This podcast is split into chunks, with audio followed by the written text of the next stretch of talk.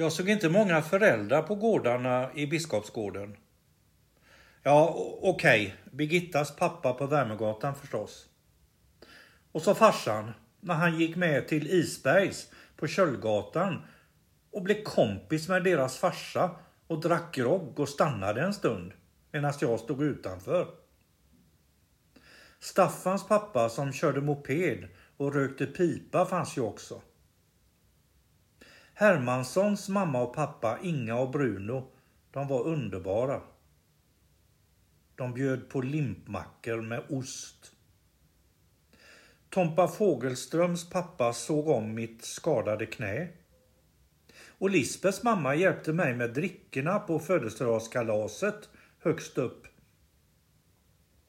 Challes farsa, han sjöng för oss på helgerna när han fått lite i näsan.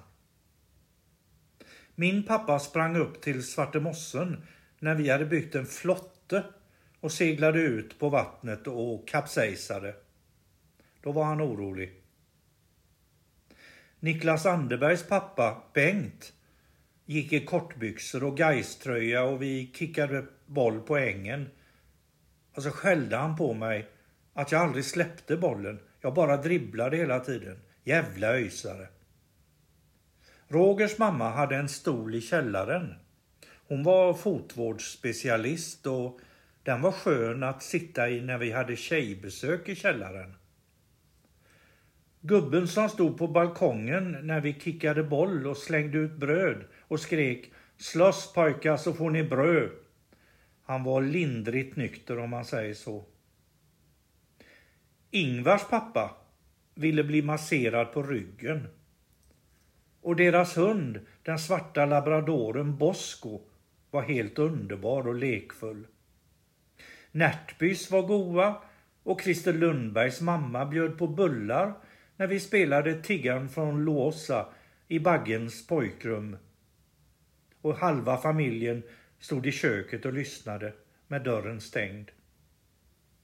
Hos Jerry lyssnade vi på The Rose Garden med Lynn Anderson. Nötas storebror Lars lurade oss med mynttricks. Vi spelade fotboll och det var tre hörnor straff, men inga dönare. En stor kaffeburk satte vi upp på gården och sen gällde det att kicka iväg den först. Burken kallade vi det. Bollstå var kul och ett gig drev oss framåt. Rövstå på ängen nedanför Klock Olofssons uppgång var kul och krävande på gräset. Rymmar och fasttagare varade till solen gick ner bakom husen på Blåsvädersgatan. Morsan blåste i visslan. Nu var det dags att komma hem och äta middag.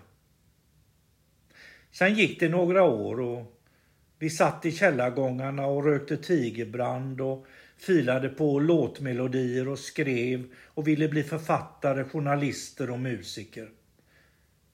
Vi drömde om framtiden helt enkelt.